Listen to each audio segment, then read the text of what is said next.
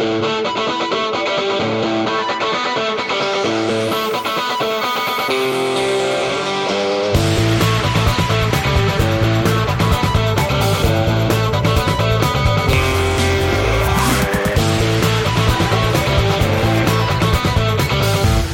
Esiet sveicināti Latvijas radio pirmā kanāla klausītāji. Sporta raidījums piespēle, kā jau katru svētdienu, 5 minūtes pēc pulksten vieniem dienā studijā Mārtiņš Kļavinieks un Māris Bergs, kā jau tas ierasts.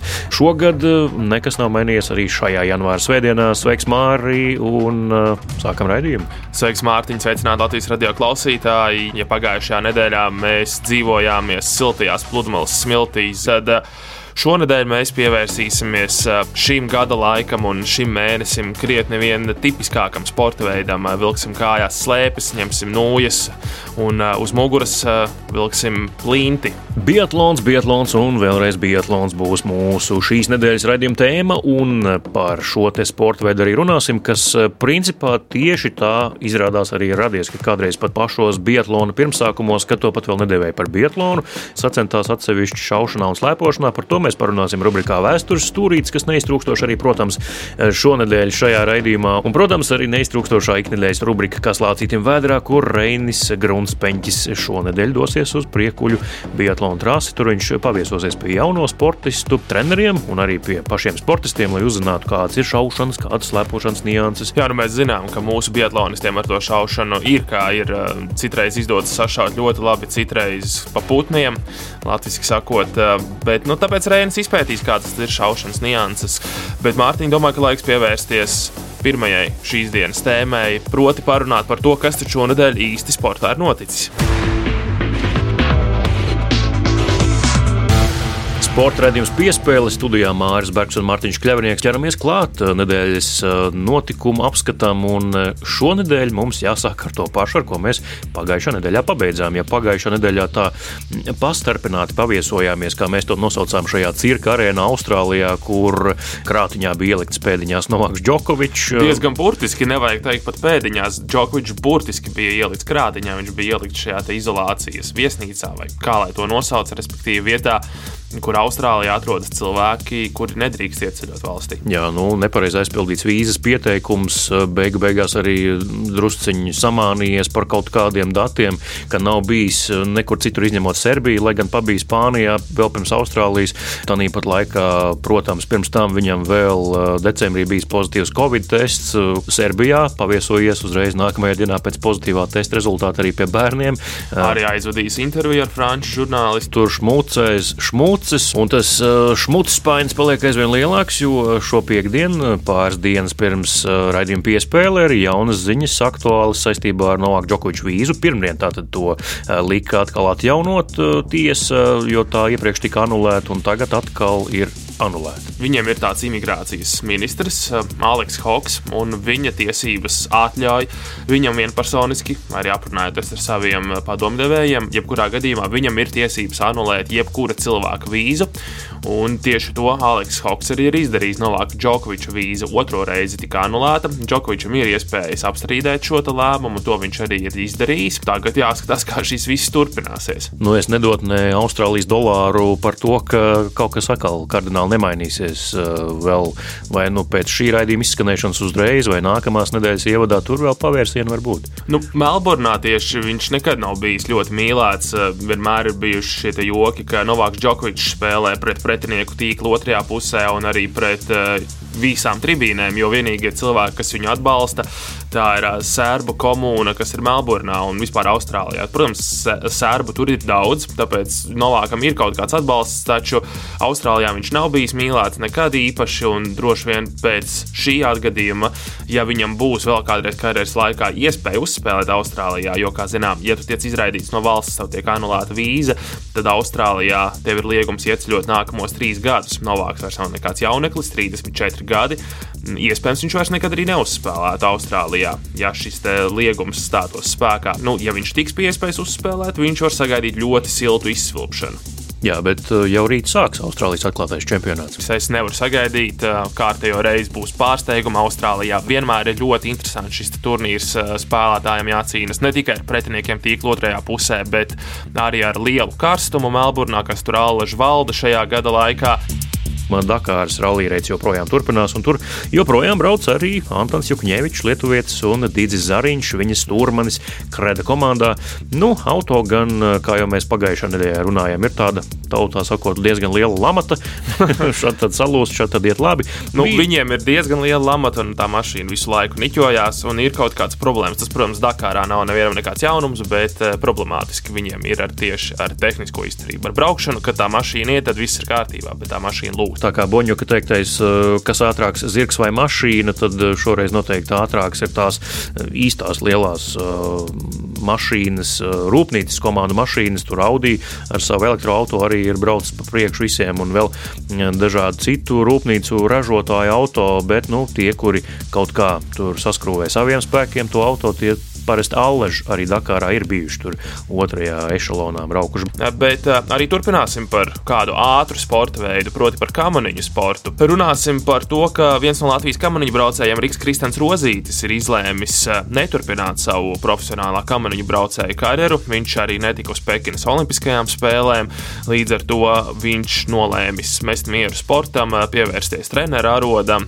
Es ar Riku Kristenu Rozīti runāju arī tad, kad es biju Innsbrukā un atspoguļoju sekoju tur notiekošās sacensības Īglas rasē klātienē, un tieši pēc uh, vīru sacensībām, kuras viņam nebija veiksmīgas, otrais desmitnieks, un tā viņš arī toreiz pateica, nu, negribēs pa otro desmitnieku braukāt, un kaut kas jādomā. Tad viņš jau to skaļo paziņojumu neizteica, bet varēja nojaust jau starp rindām, ka viņš drīz vien to paziņos. Turpinot citā sporta veidā, bet uh, noslēdzot šo sporta apskatu, Maijas Briedis varētu pretendēt uz to titulu, ko mēs pagājušā nedēļā iedavām Novakam Džokovičam, nedēļas klauns.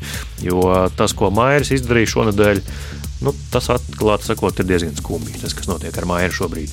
Jā, es piekrītu. Šis Maija pēdējais izgājiens tiem, kas nezina vēl par ko mēs runājam, tad viņš sev uz kājas vismaz šķietami uztetuvēja tetovējumu ar uh, YouTube zvaigzni, YouTube boxeri Džeku Polu, mēģinot viņu kārtībā reizi izaicināt uz cīņu.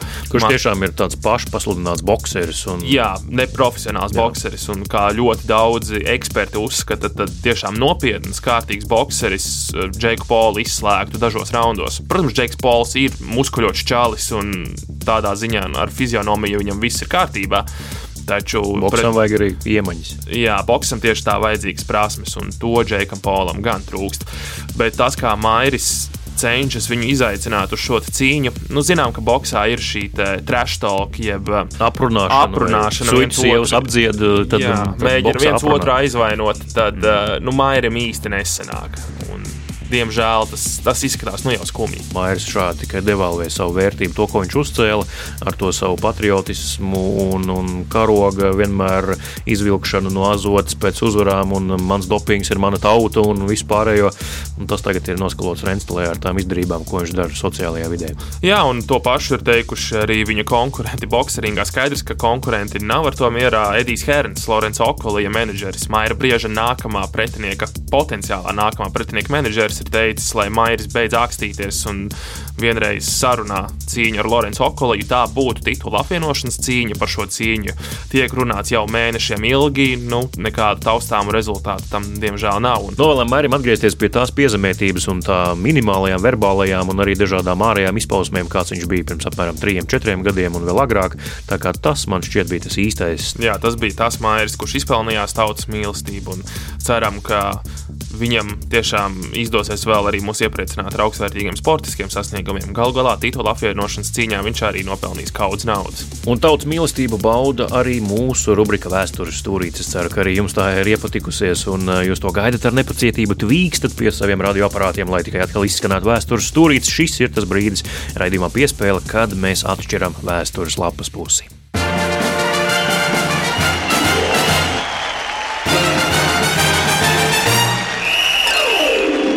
Latvijas radio raidījums piespēle Māris Bergs un Mārtiņš Kļavinieks studijā un raidījuma turpinājumā rubrika vēstures stūrītis. Un tā kā šajā raidījumā runājam par biatlonu, tad, protams, ieskatīsimies nedaudz biatlonu vēsturē. 20. gadsimta 20. gados sacensības, kurās slēpošana bija apvienota ar šaušanu, sāk rīkot daudz valstu armijas. Izrādās, ka tas līdz ar to arī tā sākās, ka ierocis uz muguras tas viss ir atvesinājies no armijniekiem.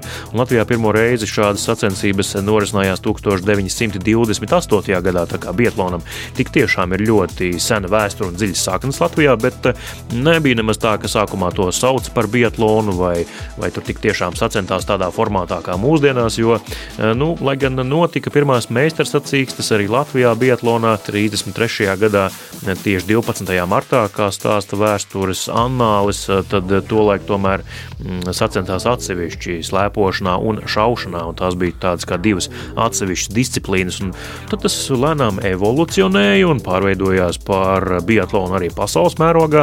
Un Latvijā 1961. gadā iergļos par pirmo Latvijas čempionu 20 km biatlonā kļuva talsnieks Elmārs Špīs. Nu, tad ar to arī aizsākās tāda lielāka biatlona attīstība Latvijā. Sākumā iecienītākā disciplīna bija 4,7,5 km stafete, un tur par pirmajiem čempioniem savukārt kļuva Visvaldis Vojns, Ilmārs Ilmārs Vilnis, Jānis Gulbis un Juris Kļaviņš. Stafeti, kuru tu iepriekš pieminēji, tā joprojām ir ļoti skatāma disciplīna, un daudzi noteikti atceras 1998. gada Ziemas Olimpiskās spēles Nagano, Japānas pilsētā. Par šīm spēlēm runājot, tie bija Latvijas biatlona zelta laiki. Tad atceramies tādus sportistus kā Oļegs Maļuhins, Ilmārs Brīcis, kurš vēl pavisam nesen, vēl tikai pirms dažiem gadiem, vēl pat gāja uz startu un startēja sacensībās. Tāpat arī Gunārs Upenieks, protams, Jānis Nākums, viņu arī mēs nevaram aizmirst no šī leģendārā leģendārā četrnieka. Es zinu, Māri, ka tu sazinājies ar Jākabu Nākumu. Viņa biogrāfijā ir tās interesants ieraksts, ka, nu, principā vēl spēku pilnbriedā 2000. gadu sākumā viņš biatlonam teica ar dievus un met to visu pie malas. Jā, Jānis Nākums um, daudz atcerēsies, noteikti, kas tajā laikā sekoja biatlonam, ka viņš izvēlējās karjeru noslēgt um, finansiāli motīvu vadīts, bet ko viņš pats par to visu stāsta, klausāmies.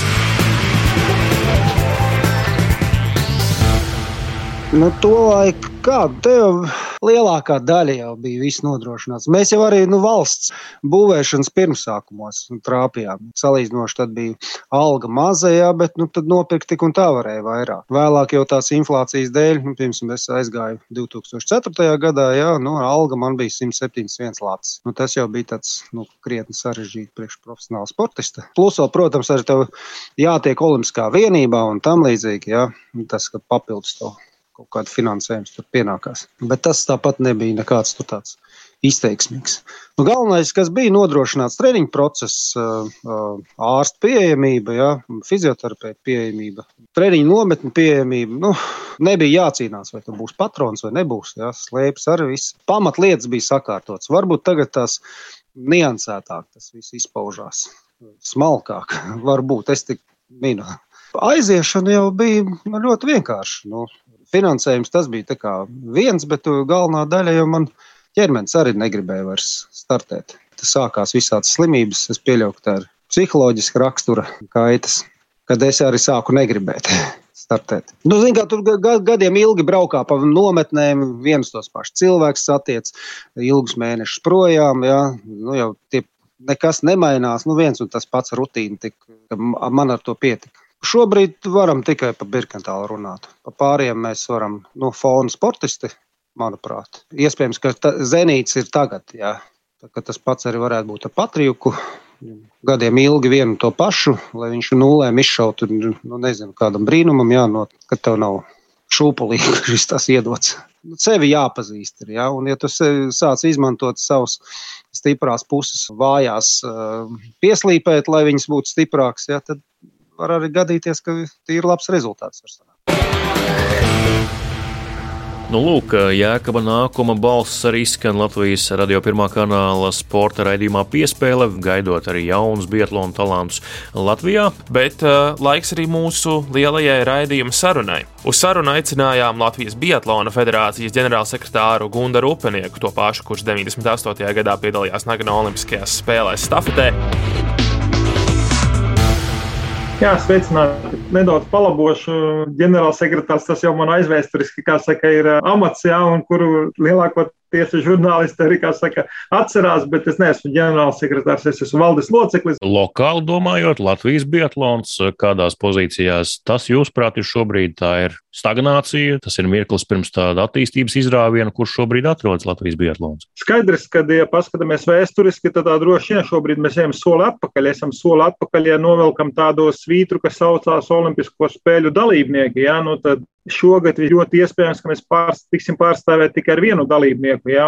Kāds laiciņš, kad bija divas stafešu komandas, abas piedalījās. Tas, kas priecē, ka mums šobrīd ir, nu, tā, nu es nosaukšu četrus sportistus, kurus junioru vecumā, kuri vēl būs vēl vienu gadu junioru vecumā, nu, uz kuri varētu būt uh, biatlona nākotne. Tā ir eh, Sanita Buliņa, kas startē pasaules kausos, piebiedrojās arī pēc jaunā gada viņas dviņu māsa. Renārs Birkantāls, kurš ļoti labi aizvadīja šo sezonu, it īpaši pēc jaunā gada 27. un 31. vietā bija kausos. Nu, mums daudzus gadus nav bijuši tādi rezultāti.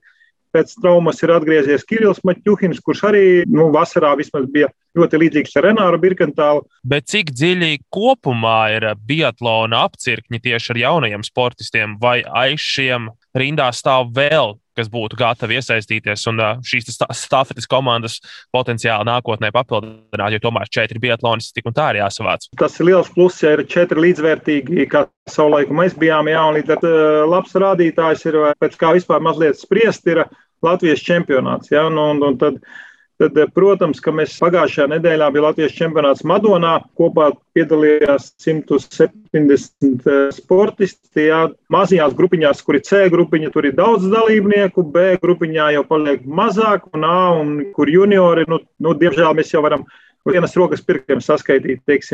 Ir perspektīva audzēkņi B grupās, eh, bet tās ir B grupas, kurām nu, paies vēl 3, 4 gadi, Un tad redzēsim no tiem trim, četriem sportistiem, cik viņi būs pienākuši pie tā, lai būtu gatavi startēt IBU un IBU.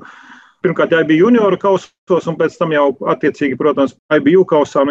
Nu, nākamnedēļ ir Eiropas čempionāts Pokļukā, kurā viņi sacensties savās grupās, nu, savās grupās, junioru grupās, un attiecīgi tad mēs arī redzēsim tos rezultātus, kā viņi sacenšas attiecīgi savu vecumā ar sportistiem no Francijas, Vācijas, Krievijas un no citām valstīm. Otras lielās sacensības šajā sezonā ir pasaules čempionāts City, Amerikas Savienotajās valstīs, kur nu, mums ir plāns, ka ir liela vēlēšanās aizvest savus labākos sportistus, lai viņi varētu arī tiešām pierādīt un sacensties eh, nu, savā vecuma grupā. Ja tu jūti un redzi, ka tu vari sacensties un esi labākais pirmā desmitnieka, piemēram, nu, skaidrs, ka katrs saredz tev sev perspektīvu turpināt sportot. Ir šis te termins mūžīgi jaunie un perspektīvie, ka sportists jau ir ilgus gadus apritē taču viņš vienmēr tiek uzskatīts par jauno perspektīvu.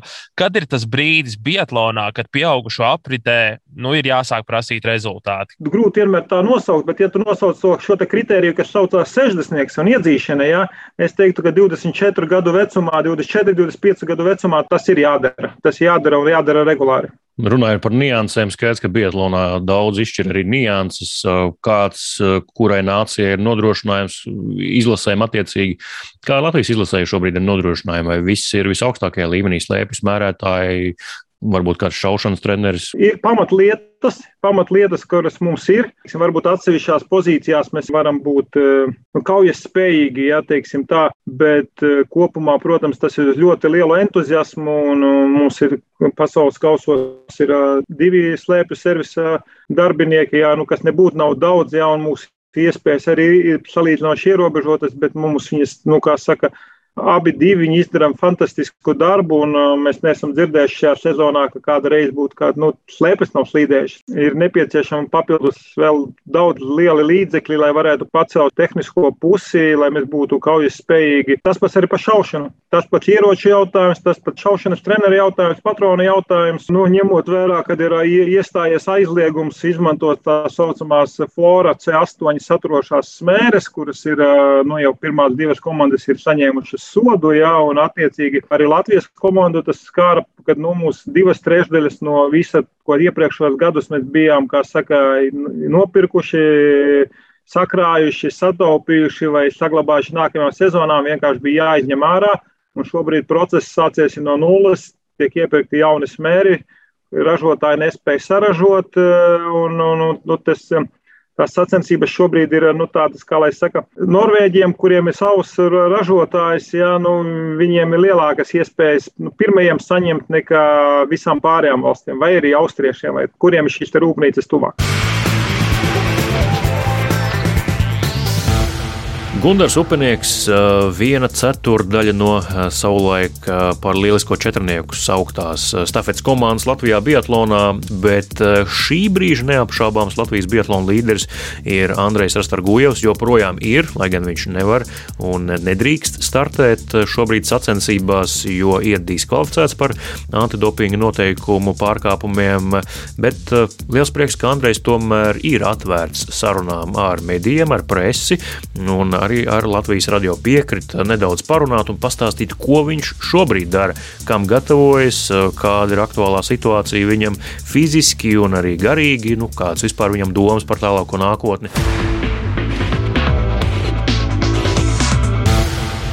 trenēties es drīkstu. Nevaru atrasties vairāk kādā komandā. Komanda, izlases komanda vairāk tā ir, gribētu teikt, izlases treneri, izlases komanda.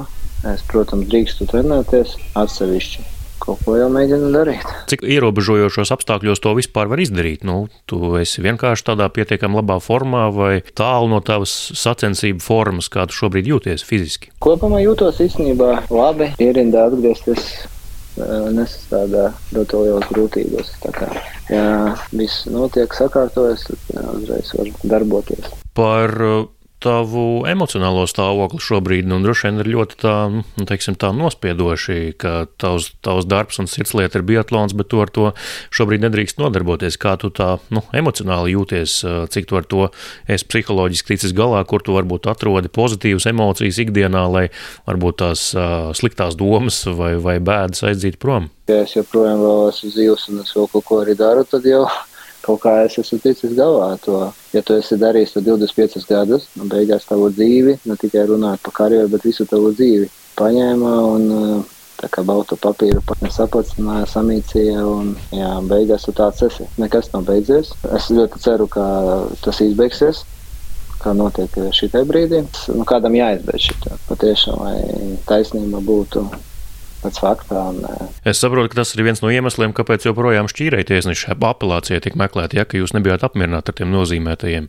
Tur arī bija bažas par to, ka varētu būt neobjektīvs lēmums. Jā, īstenībā lielas bažas bija. Nepavēlti mēs to izdarījām īstenībā godīgi runājot par to, ja mēs zinātu arī pies, pirmo tiesnesi, ja mums būtu tāda informācija, jo nerunājot par procesu, bet notiek par tieši informāciju pieejamību, mēs esam īstenībā tik vāji, lai vispār tiktu kaut kāda informācija klāt, jo viņa nekur neizpaužās, viņa nekur nav. Mēs nevaram pārbaudīt saistību ar tiesnesi un juristu kompāniju, advokātu kompāniju, ko paņēma pār, otrā puse. Nevarējām pārbaudīt ne, advokāta saistībā ar tiesnesi.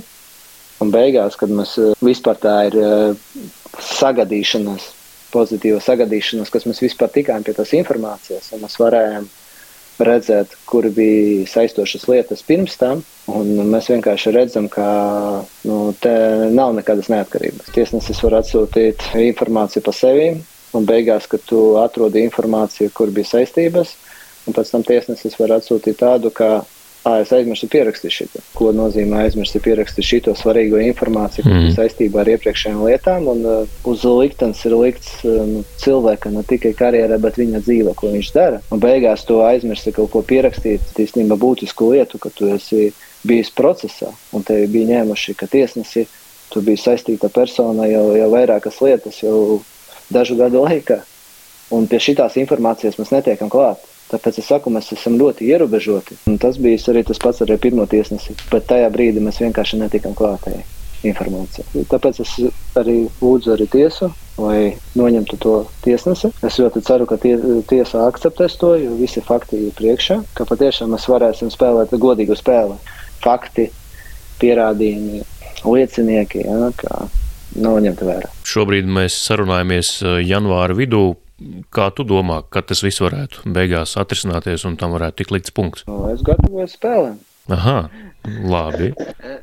es gatavojos spēlēm, bet eh, kad būs, ko būs, tas nav no manis atkarīgs. Ieliek tajā Pekinas vilcienā vēl ir reāli tik tiešām? kas mūsu dzīve nav reāli. Bet tajā pašā laikā reāli vai nav reāli, bet ir viss ir iespējams. Bet tas nav atkarīgs no maniem. Jo pēc procesā tur var tiesneši, kad akceptēs visus tiesnešus, mēs varam pieprasīt to, lai. Diskvalifikācija atceļ, jā. Mhm. jā. Uz to brīdi, kamēr notiek, tiesa, notiek tiesas izskatīšana. Jā, un tas ir tieši Olimpisko spēļu laiks to uz to brīdi to var atcelt. Tāpēc mēs gaidām, kad uh, akceptēs šo tiesnešu. Un, protams, īstenībā šī situācija, ko es gribēju pateikt, jā, situācija priekš manis personīgi nav vienkārša.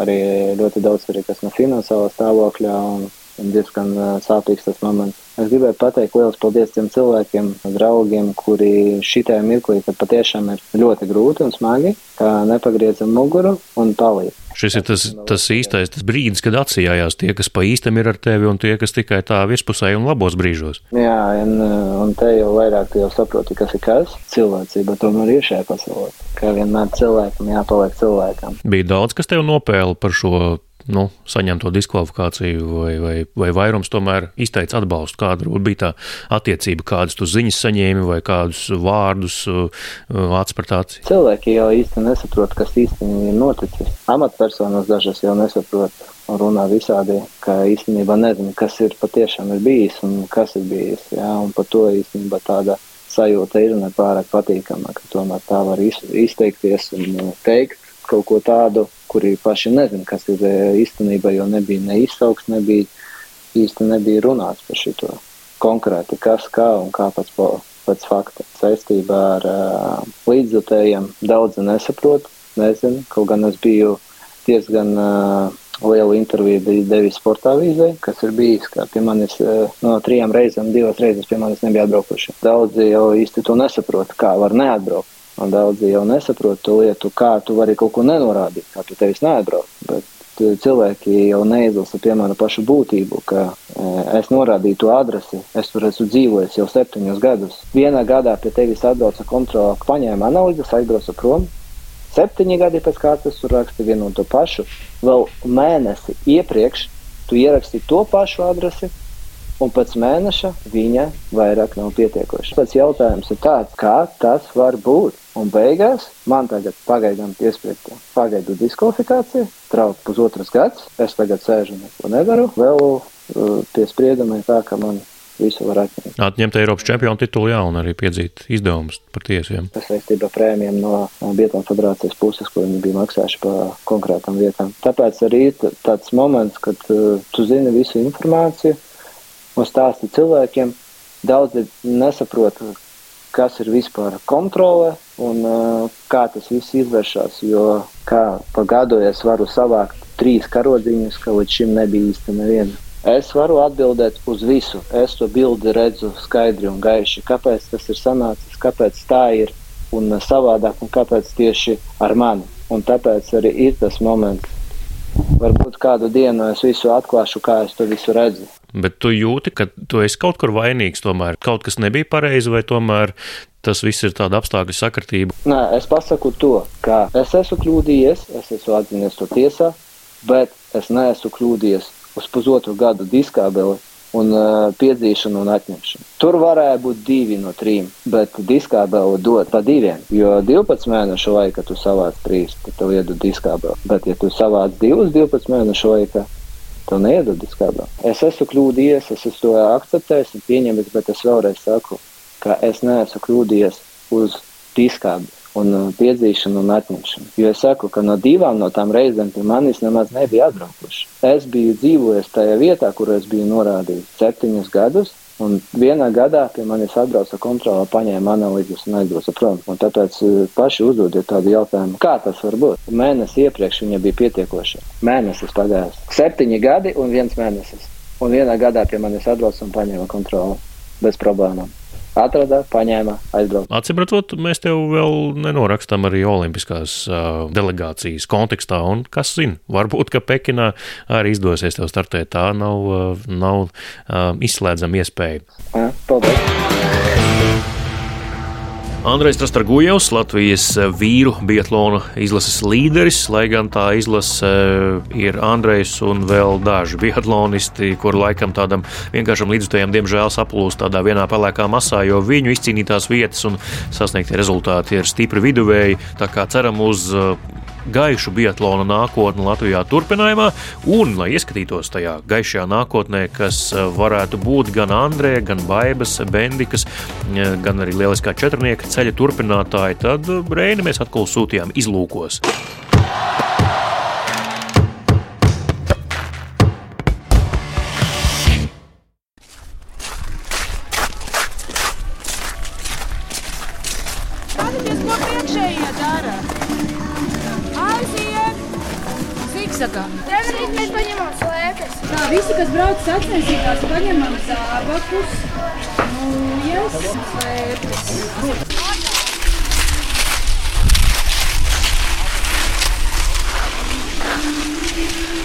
Esiet sveicināti sporta raidījuma piespēle klausītāji. Šonadēļ esmu ieradies priekuļu Bietlona trasē un sarunāšos ar Cēsu sporta skolas treneri, māmu vienai no šī brīža Pekinas Olimpisko spēļu pretendentēm distanču slāpošanā Estrei Wolfai, un uh, savulaik arī pati bijusi bietloniste, pirmā Latvijas sieviešu bietloniste, kas piedalījusies Olimpiskajās spēlēs pat divreiz - 1994. gadā Lillehammerē un arī 98. gadā Nagano, Ieva Cēderštrēma. Sveiki, Ieva! Labdien! Vispirms uh, jautāšu par to, kāda šobrīd situācija vispār ir Latvijas bērnu un jauniešu bietlonā, jo augstākā līmeņa bietlonā pēdējos gados Latvijas situācija ir pasliktinājusies, jo uz Pekinas spēlēm varētu aizbraukt tikai viena Latvijas bietloniste, kas ir Baiba Bendika.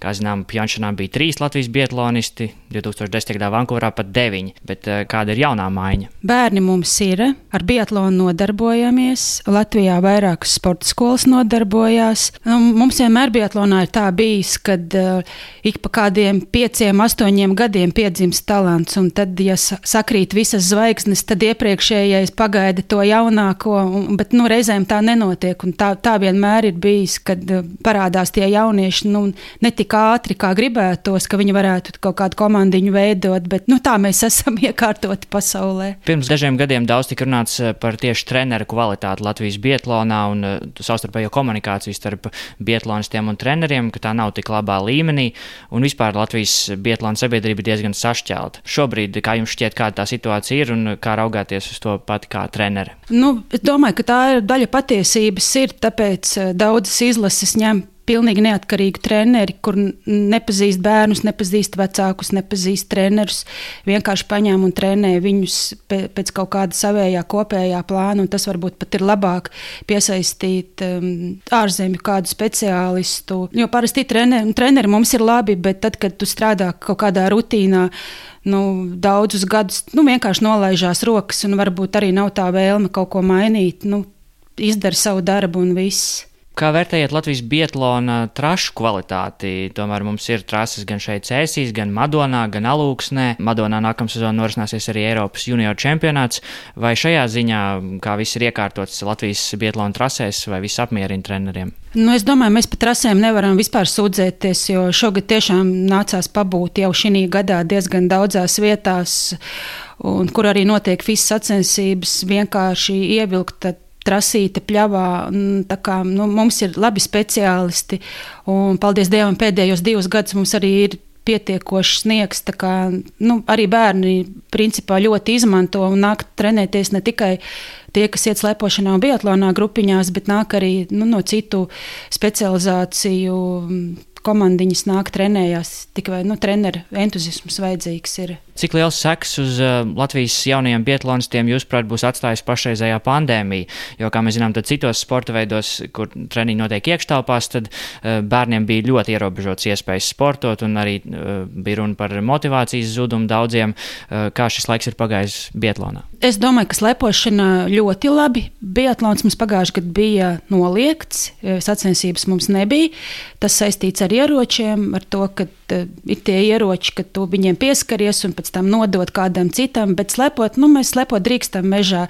Slepot pagājušajā gadā arī oficiāli nevarēja, bet mums bija atļauts, mēs taisījām uh, savas grupiņas ietveros, taisījām dažādas sacensības, dažādos uh, stilos. Bērni, bērni bija ļoti apmierināti, un no federācijas arī mums bija tādas mazas balviņas un, un ar skaistiem koronas diplomiņiem. Tā kā, nu, man grupiņā mazi bērniņi, viņi bija ļoti apmierināti ar to. Tagad varam pievērsties arī pietlona treniņu metodikai. Pastāstiet, kāda tā ir, un klausītājiem, kas nezina, kā varbūt izskatās tāds viens standarta treniņš Bietlānā. Biatlons vispār aizņem ļoti, ļoti lielu, jāsaka, laika posmu no dienas profesionālie. Tur tukšaušana, dažādi šaušanas vingrinājumi ar, ar kompjuteriem, bez kompjuteriem, ar datoriem, kur ir analīze, ir šaušanas vingrinājumi pavasarī pēc ziemas sezonas pārsvarā sāka tikai ar šaušanas vingrinājumiem, tur dažādi veidi, tur ļoti smalki. Katram ir kaut kādas e, savi knifi, katram trenerim. Slēpošanā varbūt tur ir uzdevums vairāk pastrādāt uz laiku, uz tehniku, uz kaut kādiem stiliem. Principā vasarā varbūt treniņš aizņem 3,5 stundas, 4, tāpēc, kad ir tikai stunda, varbūt ir tikai šaušanas vingrinājumi, pat neizšaujot nevienu patronu. Tas varbūt arī um, nu, jauniešiem varbūt liekas nogurdinoši tas melnais darbs. Viņiem patīk piedalīties sacensībās, gribas uzvarēt, bet tad, kad vasarā jāiegulda tas pamats, tad viņš varbūt negrib celties uz to treniņu, priekš kam jāceļās vasarā, kad ir tik daudz iespējas nedarīt to, bet ir bērni, kas to dara un pārspēj savus vienaudžus. Jūs pieminējāt šaušanas vingrinājumus, nešaujot nevienu patronu. Varbūt arī pastāstīt, kādas, kādi, kādi ir tie vingrinājumi. Nu, tā ir tā saucamā tukšaušana, kad vispār bez patronām šāva, tur vienkārši saliek mērķīšus kopā, skatoties diopterā uz otru mērķīti un savienojot un ar acīm ciet. Un tur tā kā klikšķinot. Kā, ja, nu, tas kā būtu jāredz, lai saprastu, par ko mm. iet runa. Nu, tas nav tikai patronu skaits un, un tukšaušana, tas ir tomēr kaut kāds iekšējs miers un psiholoģiska pārliecība. Jo cik mēs bieži esam redzējuši, kad uh, līdz 4. šautavai aizslēpo uh, bez nevienas kļūdas, un vienkārši 4. visi māk šaut, bet kas notiek un kāpēc psiholoģiski nevar izšaut, tur es par to nemācēšu tik. Uh, kompetenti pastāstīt, bet um, lielām valstīm tur psihologi strādā ar to, lai tu varētu to ceturto šautuvi izšaut visus patronus un aiziet pa pirmo, nevis atnākt pirmais un aiziet kāds uh, septītais.